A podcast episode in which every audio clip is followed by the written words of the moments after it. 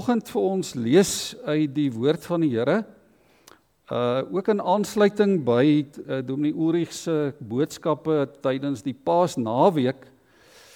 Hy het uit Markus uit ehm um, het hy gepraat elke keer en ons gaan ver oggend lees, saam lees uit Markus 16 die laaste gedeelte uh, vers 9 tot by vers 14. Hulle het uit die graf uitgegaan en weggehardloop terwyl hulle gebewe het van skrik. Hulle het vir niemand anders iets daarvan gesê nie want hulle was bang. Na Jesus se opstanding uh, vroeg die Sondagmôre het hy heel eers aan Maria Magdalena verskyn uit wie hy van tevore sewe bose geeste uitgedrywe het. Sy het dit vir sy disippels gaan vertel wat oor hom getreur en gehuil het.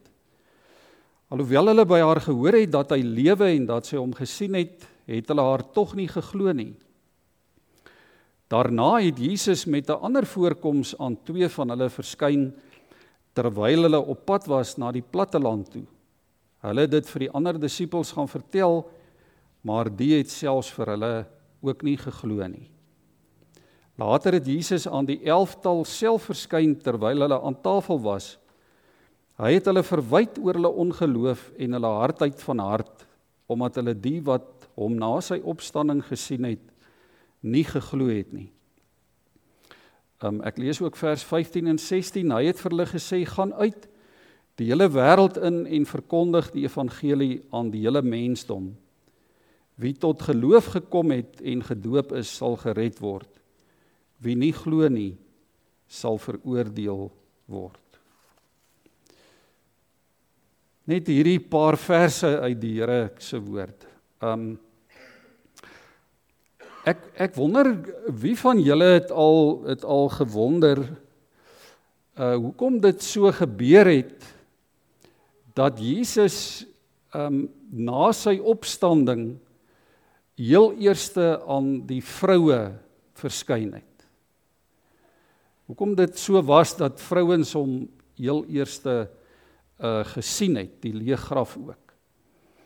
Um eintlik is die is die antwoord baie maklik, né? Dit is omdat um omdat vrouens eenvoudig makliker en vinniger stories vertel en verkondig en versprei. Um Ek dink ek is dalk in die moeilikheid as ek dit nou vanoggend sê. Dalk moet die die ouderlinge my begelei kar toe as ons as ons klaar is. Ehm um, nou miskien sou so opmerking oor die vrouens waar kon gewees het, nê. Nee. Maar ons lees daar in vers 8 Hulle het van die graf af weggehardloop. Hulle het gebewe van skrik. Hulle het besluit om dit vir niemand anders te vertel nie. Om vir niemand anders iets daarvan te sê nie. Is amper onmoontlik om dit te glo. Maar ons lees die vrouens was bang. Hulle was bang. Nou Markus is die oudste van die van die evangelies. En oorspronklik eindig Markus hier by vers wat ons gelees het. Um die laaste gedeelte van Markus hier van vers 9 tot 20 is 'n latere byvoeging. Markus het ge, het gestop na vers 8 en toe met met die oorskryf en die oordra van die teks is hierdie verse 9 tot 20 later bygevoeg. Maar as ons dit gaan vergelyk met dit wat staan in die ander evangelies dan stem dit 100% ooreen en daarom aanvaar ons dit en glo ons dit as die waarheid. En wat 'n mens tref in hierdie byvoeging, ehm um, dit is amper asof asof hierdie paar verse dit wat die ander evangelie skrywers uh, na verwys alles mooi saamvat en dit wat 'n mens tref is hierdie aanvanklike ongeloof van Jesus se volgelinge. Feitelik almal van hulle reageer op dieselfde manier. Ons lees hulle het nie geglo nie. Alhoewel hulle by Maria gehoor het dat Jesus lewe, dat sy vir Jesus met haar eie oë gesien het, het hulle dit tog nie geglo nie. Ons lees hulle het ook nie die twee Emmausgangers geglo wat kom vertel het dat hulle op pad was en dat Jesus aan hulle verskyn het nie. Ons weet ook van Thomas se ongeloof.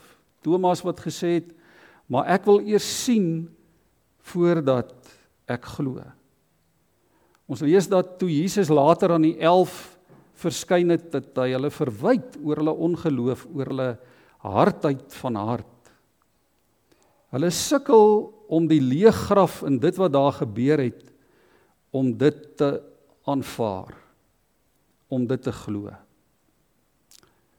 Broers en susters, waarmee sukkel hulle eintlik? Hulle sukkel om te glo dat die graf in al sy vorms, in al sy gestaltes oorwin is. Hulle sukkel om dit te glo. Ten spyte daarvan dat Jesus ook 'n hele klomp keer vir hulle gesê het dat hy gaan opstaan en ook wanneer hy gaan opstaan sukkel hulle om dit te aanvaar. Hulle het dit nie geglo nie. Maar gelukkig kan vrouens nie stil bly nie, nê. Nee, hulle het begin om hierdie storie te vertel. 'n Mens wil 'n klomp vrae vra oor dit wat daar gebeur het en oor oor hierdie gedeelte. Hoekom het almal aanvanklik so gesukkel om te glo? Miskien was dit dat hulle te hartseer was. Miskien was hulle te geskok oor alles wat gebeur het. Dalk was hulle hartseer so groot dat hulle hierdie goeie nuus net nie kon of wou raak sien nie. Dalk het hulle gedink en vir mekaar gesê, "Ag, dis nou weer net 'n klomp skindernuus." Of dit was 'n geval van dat hulle eintlik almal eers wou sien voordat hulle glo. So dink ek sukkel baie van ons vandag nog steeds met met hierdie storie. Ons sukkel baie keer met geloof. Die leuen van die skrifgeleerdes dat Jesus dood is, dat sy liggaam gesteel is, dat dit iewers op 'n ander plek herbegrawe is, word vandag deur baie mense aanvaar as die waarheid. Vir miljoene mense op aarde op hierdie oomblik vanoggend is die Here eenvoudig net dood. En nou is die vraag ook maar hoe maklik of hoe moeilik is dit vir jou en vir my om te glo? Dalk is dit moeiliker as wat ons wil erken. Dalk is dit moeiliker as wat ons wanneer ons um hier in die kerk op 'n Sondagoggend bymekaar is saam bely. Wat maak dit dalk vir ons moeilik? Is jou en my verhouding met die Here regtig 'n kwessie van geloof? Is dit regtig 'n kwessie van 'n vaste vertroue in dit wat ons nie kan sien nie? Ook wanneer jy en ek voor ons eie spreekwoordelike grafte te staan kom. Wanneer die bekommernisse en die uitdagings en die omstandighede van die lewe ons konfronteer, dan sukkel ons maklik met geloof. Moeilike omstandighede in ons persoonlike lewens, in ons samelewing, in die land, dit wat in die wêreld gebeur, laat ons baie keer sukkel. Sukkel om te glo dat die lewende Here ook in ons lewens hoop en genesing en nuwe lewe kan bring. In die donker van finansiële druk in familieprobleme as daar gesondheidskrisisse kom in verhoudingskwessies waarmee ons worstel word ons geloof getoets elke dag op die lewenspad. En dis nie noodwendig van selfsprekend of maklik om te glo nie. Hoe jy jou kinders grootmaak is 'n toets vir jou geloof. Hoe jy besigheid doen is 'n toets vir jou geloof. Hoe julle as gesin funksioneer is 'n toets vir jou geloof. Hoe jy en ek in krisis situasies optree en reageer is 'n toets vir ons geloof. Die toets vir ons geloof is in die praktyk. Soos ou Louis Malherbe gesê het, daar waar die tekkie die teer tref. Daar in die praktyk van elke dag se lewe. Dis waar die toets vir ons geloof lê. Ons keuse ons keuses wat ons maak, ons optredes bevestig of die lewende opgestane oorwinnende Jesus in ons lewens teenwoordig is of nie. Broers en susters, soos die die vroue 2000 jaar terug en die disippels en Thomas en Petrus, weet jy en ek ver oggend waarskynlik 'n klomp goed wat God gesê het en wat God gedoen het en wat God beloof het. Die vraag is of ons dit ook glo. Glo jy dit as jy by die graf aankom? Glo jy dit as jy deur die lewe gekonfronteer word? Glo jy dit as jy gekonfronteer word deur die nuusberigte en die virusse en die krisisse en dit wat deel is van ons lewe? Kan jy en ek sê dat dit wat ons van Jesus glo ons elke dag in ons lewe toepas? Dat ons regtig daaruit lewe. Word die hoop wat jy en ek het, word dit gebore uit die feit dat Jesus opgestaan het en dat hy lewe. Dis die kern van ons geloof. Ons het gesê Markus se se evangelie het oorspronklik geëindig hier by vers 8 by hierdie drie woorde hulle was bang. Hulle was bang. Wie van ons sou nie bang gewees het nie? Wie van ons sou nie dalk ook weggehardloop het nie?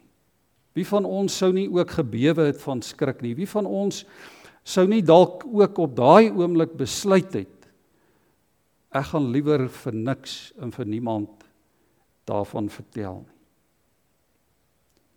En tog kom die Here en hy kom vertrou hierdie bang mense met sy evangelie van nuwe lewe. Ek is seker jy was al bang. Elkeen van ons was al die een of ander tyd bang. Dis menslik om bang te wees. Maar die Here kies juis bang mense. Hy kies juis mense wat nie alles verstaan nie. Hy kies juis mense wat baie keer wonder, wat baie keer twyfel, wat soms swak is in hulle geloof, gewone mense soos ons wat so maklik en so dikwels sukkel om te glo. Wat wil die Here vanmôre doen? Hy kom roep ons nader. Hy kom roep ons nader. Die Here kom staan ver oggend by jou en by my. Hy kom staan by ons. Hy roep ons nader deur sy woord.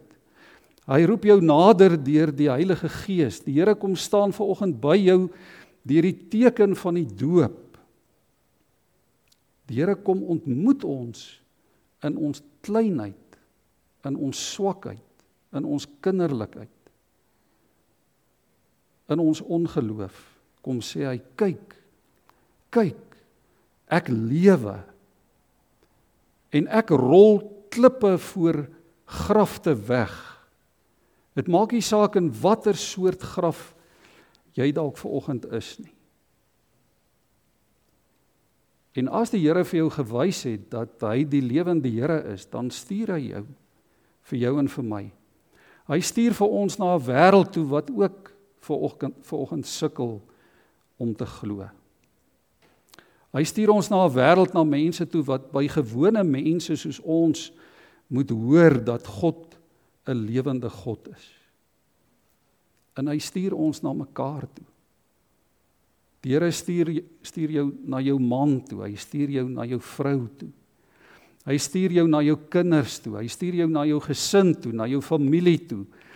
Hy stuur jou na jou kollegas toe, na jou vriende toe om vir hulle te gaan sê, weet jy wat, die Here lewe, ons behoort in Christus aan 'n lewende God. Hy is die weg en die waarheid in die lewe. Hy's groter as ons twyfel.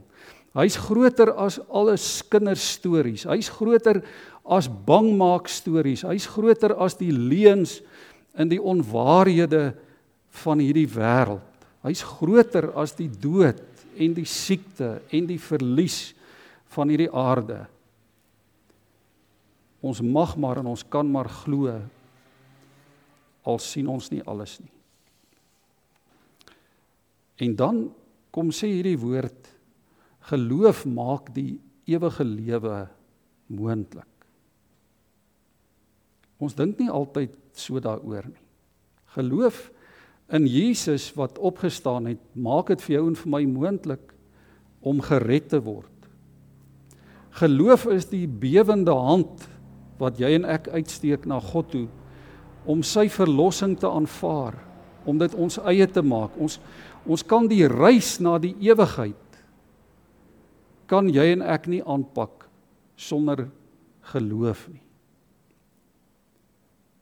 As ek op 'n 'n vliegtyg klim en daar op 'n stadium by 'n douanebeampte of by 'n amptenaar of iemand kom dan dan vra daai beampte nie wat my agtergrond is waar ek groot geword het wie my ouers is wie my grootouers was hoe my bankbalans lyk, watter beroep ek beoefen, wat my status in die samelewing is, watter prestasies ek dalk in die lewe bereik het nie. Hy vra net een ding, hy vra net kaartjie asseblief. En geloof is is jou en my kaartjie op reis na die ewigheid. Geloof in die opgestane Jesus.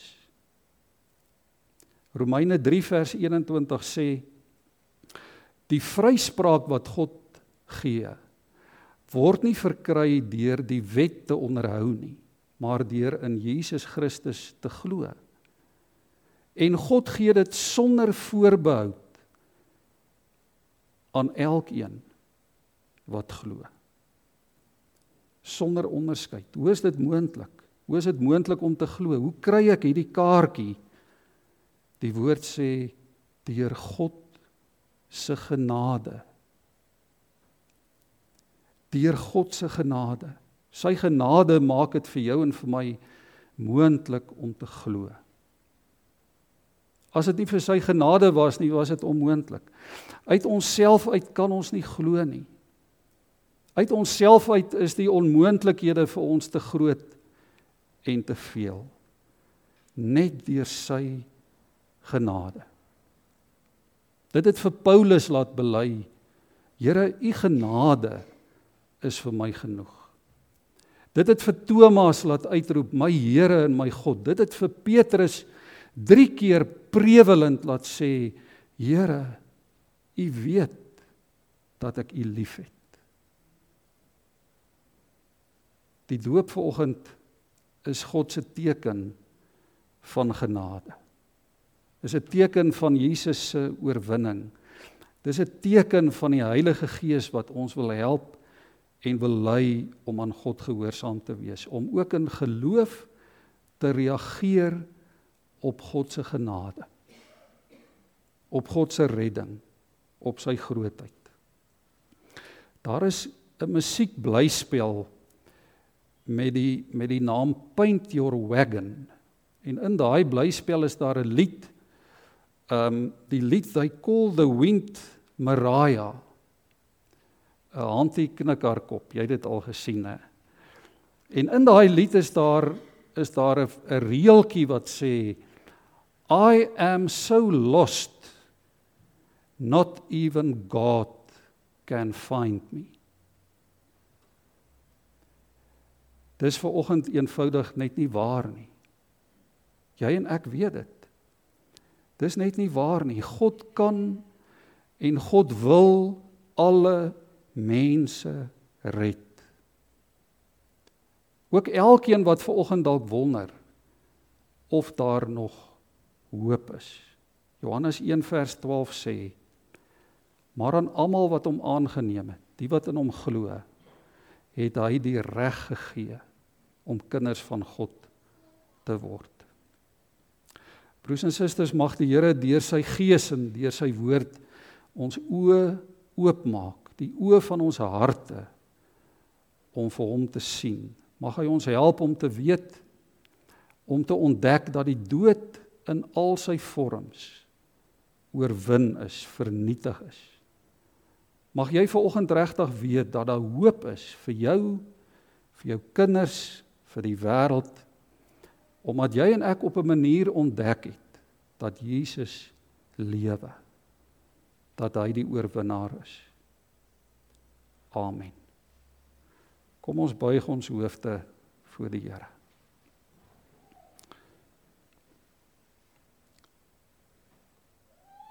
Here, dankie vir hierdie waarheid vir oggend. Dankie vir u woord. Here, dankie vir u eindelose genade, vir u ewige liefde. Dankie Here dat u elke mens op hierdie aarde eindeloos liefhet. Dat u mense na u toe roep. Ja Here, dat u roep kom na my toe, almal wat moeg en oorlaai is. Ek sal vir julle rus gee. Kom na my toe elkeen wat vasgevang is in onmoontlikhede van hierdie lewe. Ek sal jou vrymaak. Here, dankie vir die doop. Dankie vir al u beloftes by die doop. Dankie dat die doop ook 'n teken is van u grootheid. 'n Teken van u oorwinning. 'n Teken van u beloftes, van u trou, Ja Here, 'n teken daarvan dat U sê ek sal jou nooit in die steek laat nie. Ek sal jou nooit alleen los nie.